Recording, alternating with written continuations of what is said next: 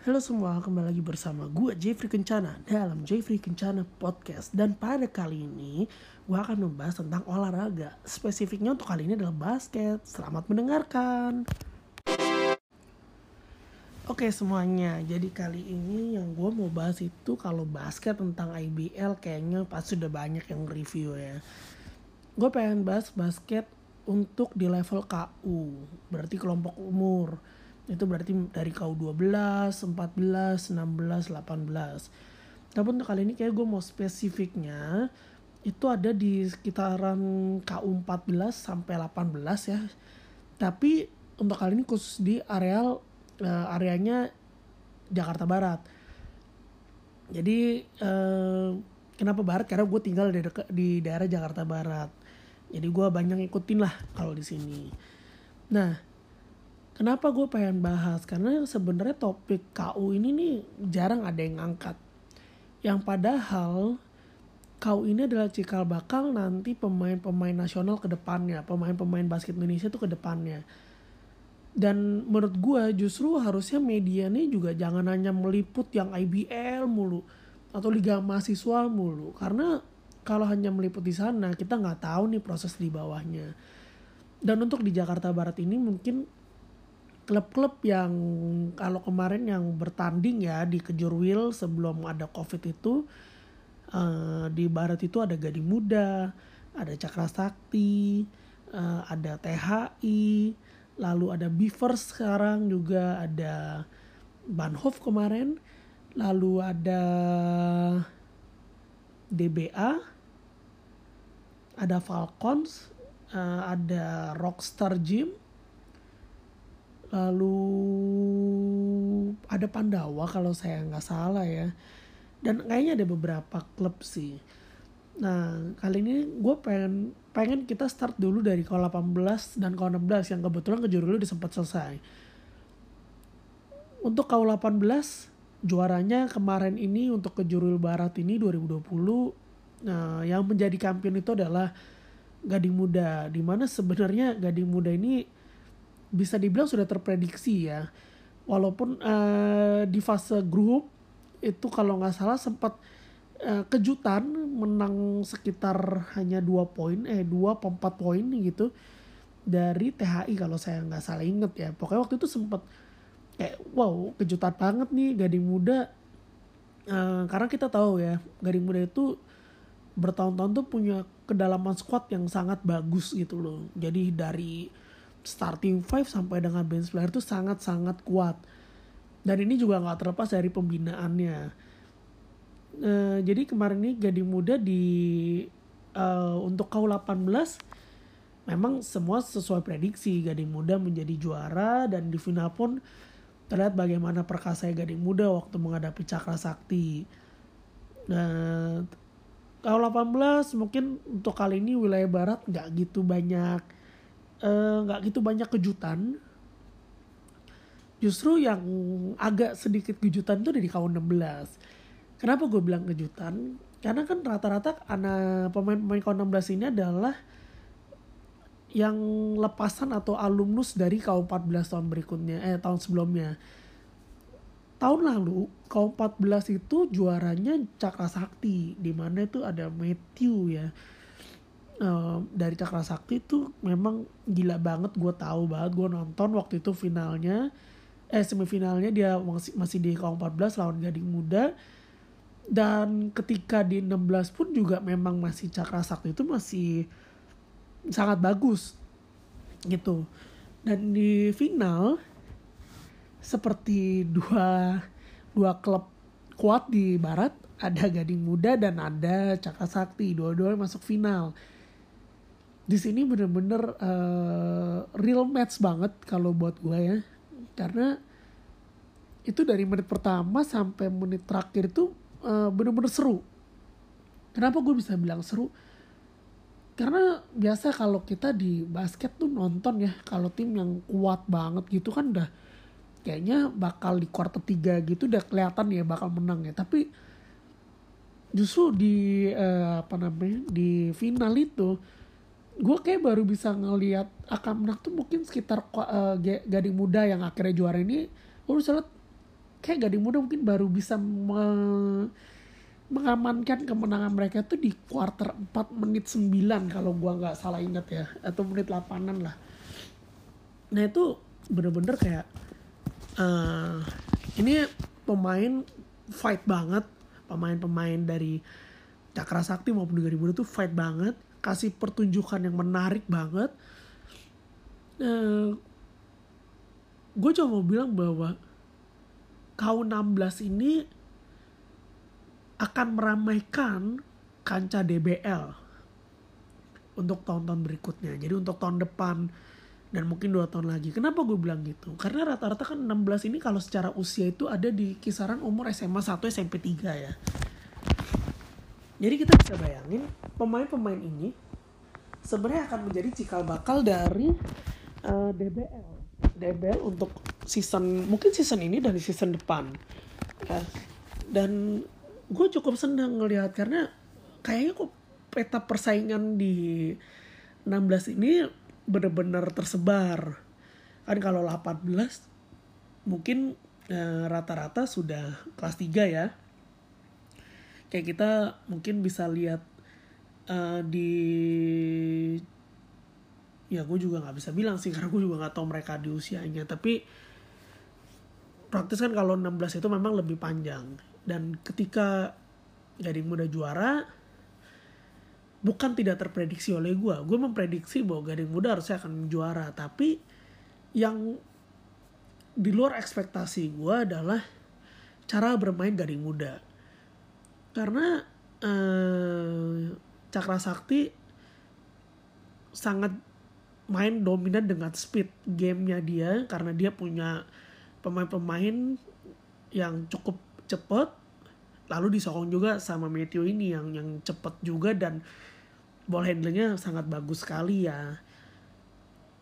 Awalnya waktu pas quarter 1-2 gue nonton gitu gue liat waduh gak ada yang muda keteter nih. Tapi ternyata bisa bisa cepet cover ya. Jadi uh, Garing Muda bisa cepet ngelihat situasi dan gue salut untuk uh, dua belah tim dua belah pelatih. Uh, ini benar-benar permainan yang good banget. Kenapa gue bilang harus diperhatikan? Kau 16, kau 18, kau 14, kau 12 harus diperhatikan.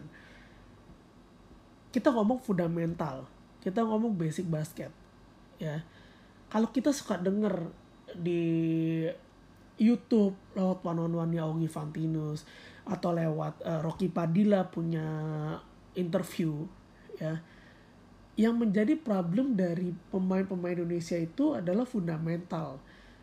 Indonesia punya banyak pemain bagus, tapi kadang-kadang fundamentalnya tidak tepat atau sebenarnya fundamental kurang baik.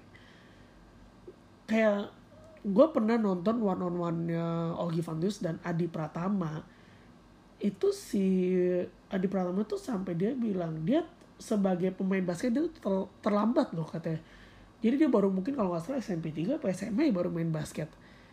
Jadi bisa kita bisa bayang nggak kalau kita punya pemain-pemain yang dengan size seperti Adi Pratama, uh, Vincent Kosasi, lalu mungkin Valentino Wongan, uh, ya bilanglah pemain-pemain yang dengan size cukup besar, cukup tinggi, tapi diberikan fundamental yang bagus, itu akan sangat menarik gitu loh. Mereka akan akan bisa mensupport Indonesia punya tim gitu. Gue gue jujur gue ngelihat bahwa Perbasi cukup baik mengadakan kejurwil KU12, KU14, KU16, KU18.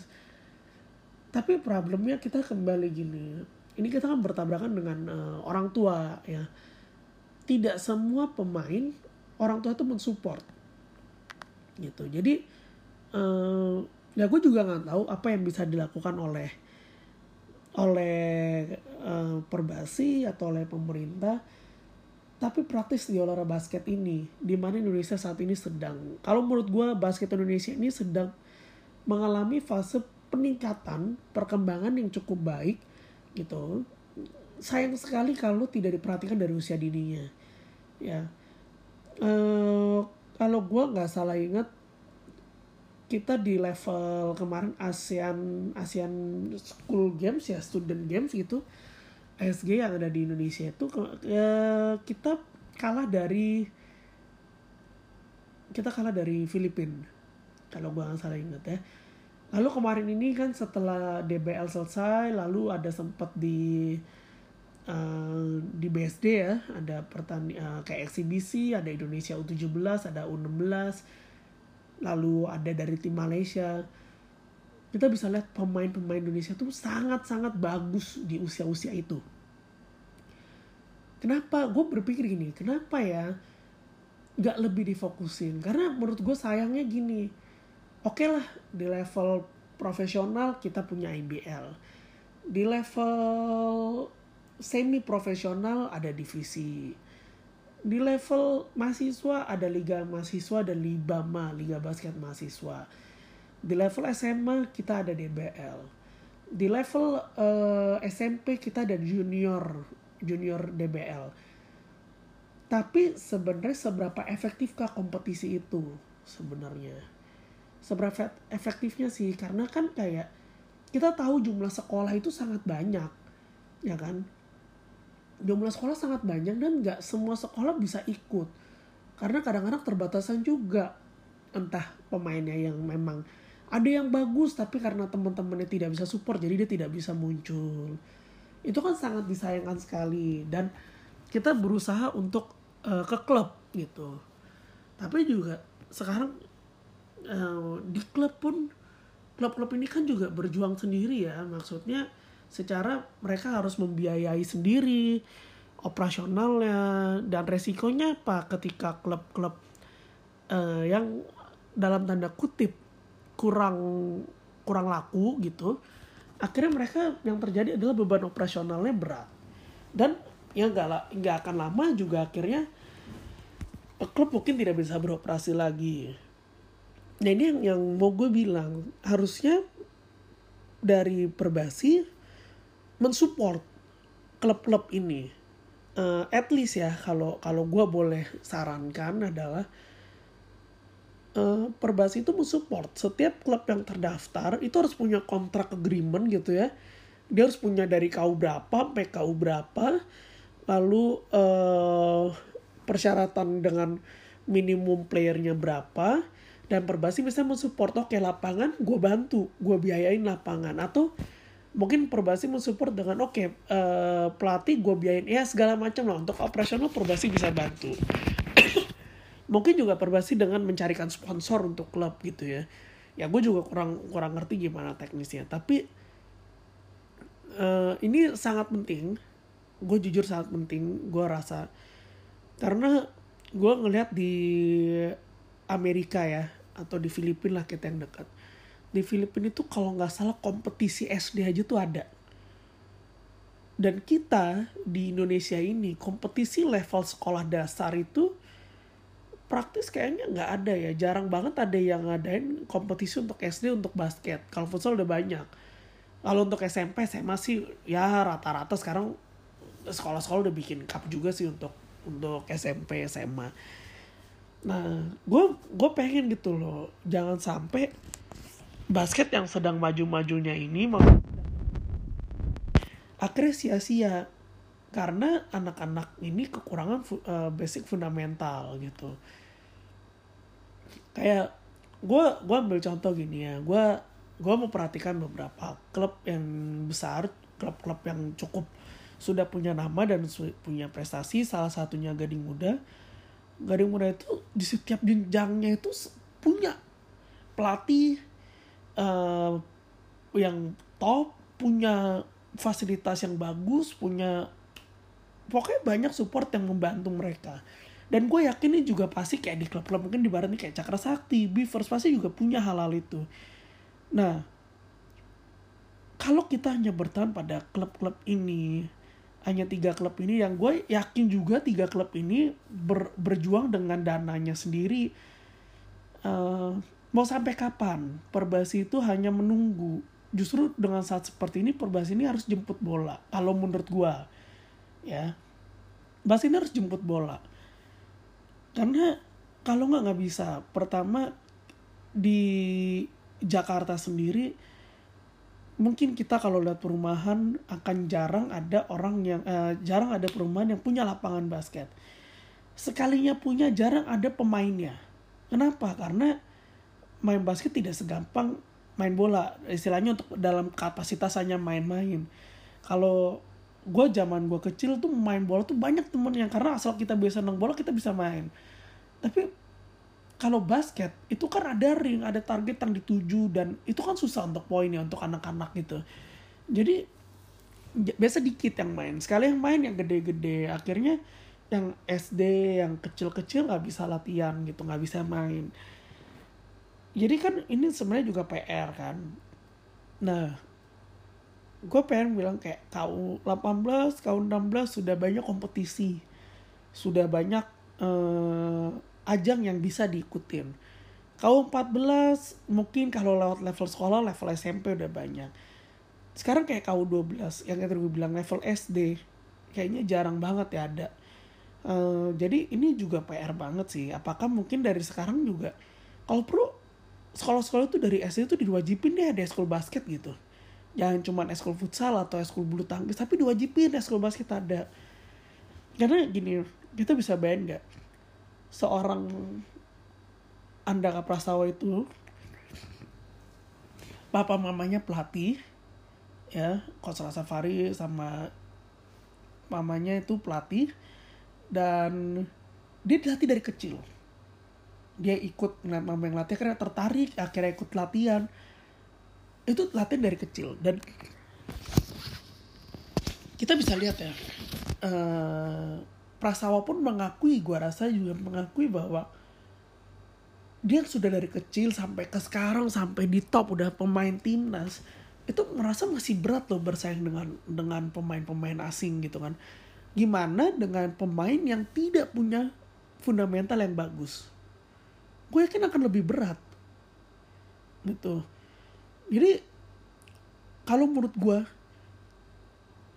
kunci kalau basket mau maju itu ada di KU 12, 14, 16, 18. Kita jangan ngarepin jadi di 16 eh dibuat di 16 jadi 18, tapi diproses kalau perlu diproses dari KU 10, KU 8 berproses dijadikan di KU 12, 14, 16, 18. Lalu mungkin kalau bisa di 14 gitu. Contoh gini. Kejurda kemarin, kejurda uh, kejurda tahun 2019 KU 12 dimenangkan oleh Gading Muda. Ini karena gue nonton. Dimenangkan oleh Gading Muda. Gue cuma bilang, ketika gue nonton beberapa pertandingan kejurda, eh, eh kejurda, kejurnas salah. Kejurnas kemarin 2019 ini, eh, ketika gue nonton beberapa pertandingan Gading Muda main ya, eh, maksud DKI lewat Gading Muda ini, gak banyak daerah yang punya kemampuan bermain kayak Jakarta. Jadi kan berarti bisa dibilang uh, eh, gue tolong koreksi gue nggak tapi yang gue tau kan memang yang juara kejuaraan kan Gading Muda jadi musim ini tim Gading Muda. Jadi bisa bayang nggak? Gading Muda pada tahun lalu dia punya tim KU 12 itu yang cara bermainnya uh, cara bermain secara tim, basic pemain-pemainnya, uh, komunikasi di lapangan, ya itu menyerupai pemain-pemain SMA yang tidak ikut klub atau mungkin tidak bertanding di level klub. Jadi yang bertanding di SMA. Kalau sekarang kita bayangin, kalau Gading Muda bisa melakukan itu, ya, lalu Perbasi mensupport semua klub untuk bisa melakukan itu. Bisa bayang nggak? Kalau kita setiap uh, wilayah punya 10 klub misalnya kayak contoh Jakarta Barat punya 10 klub yang bisa melatih seperti Gading Muda gitu ya. Uh, kayak kita contoh deh satu tim aja deh nggak usah baik banyak 12 orang punya 10 klub 120 pemain.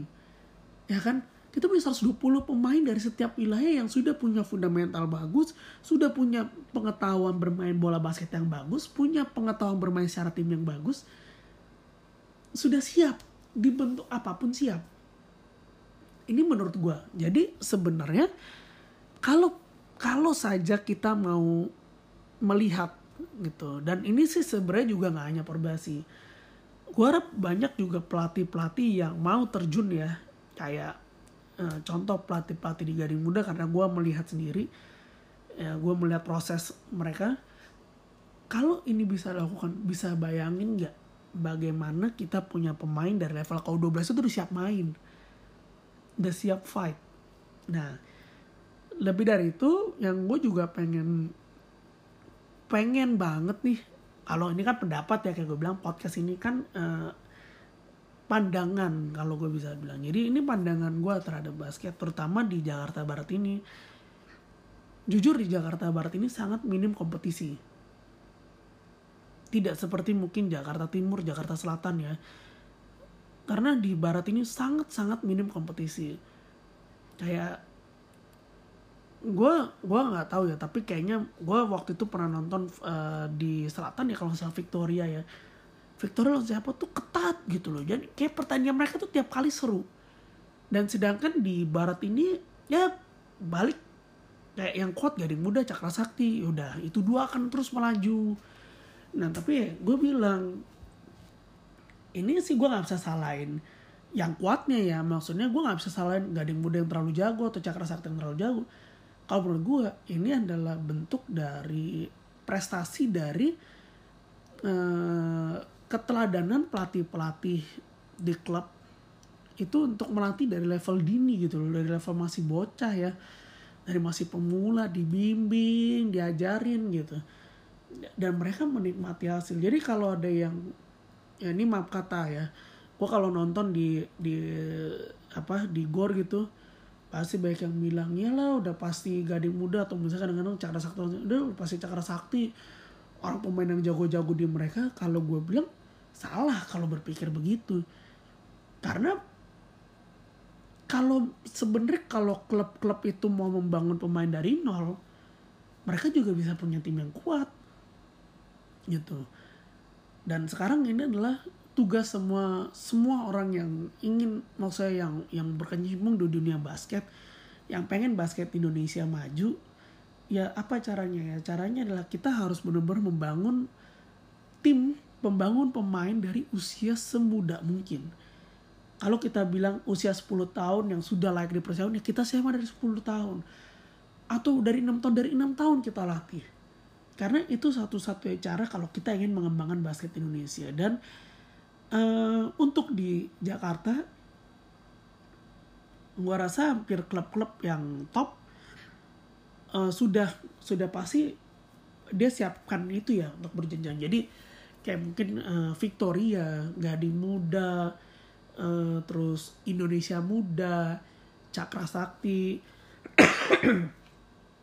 Beavers mungkin juga itu sudah menyiapkan hal itu. Jadi gue mengharapkan banyak klub-klub lain mulailah mencontoh jangan istilah jangan aji mumpung. Jadi mungkin jangan ngelihat oh sekolah yang gue latih lagi bagus nih timnya terus gue bentuk klub hanya untuk tim uh, itu. Lalu udah kelar karena ya percuma.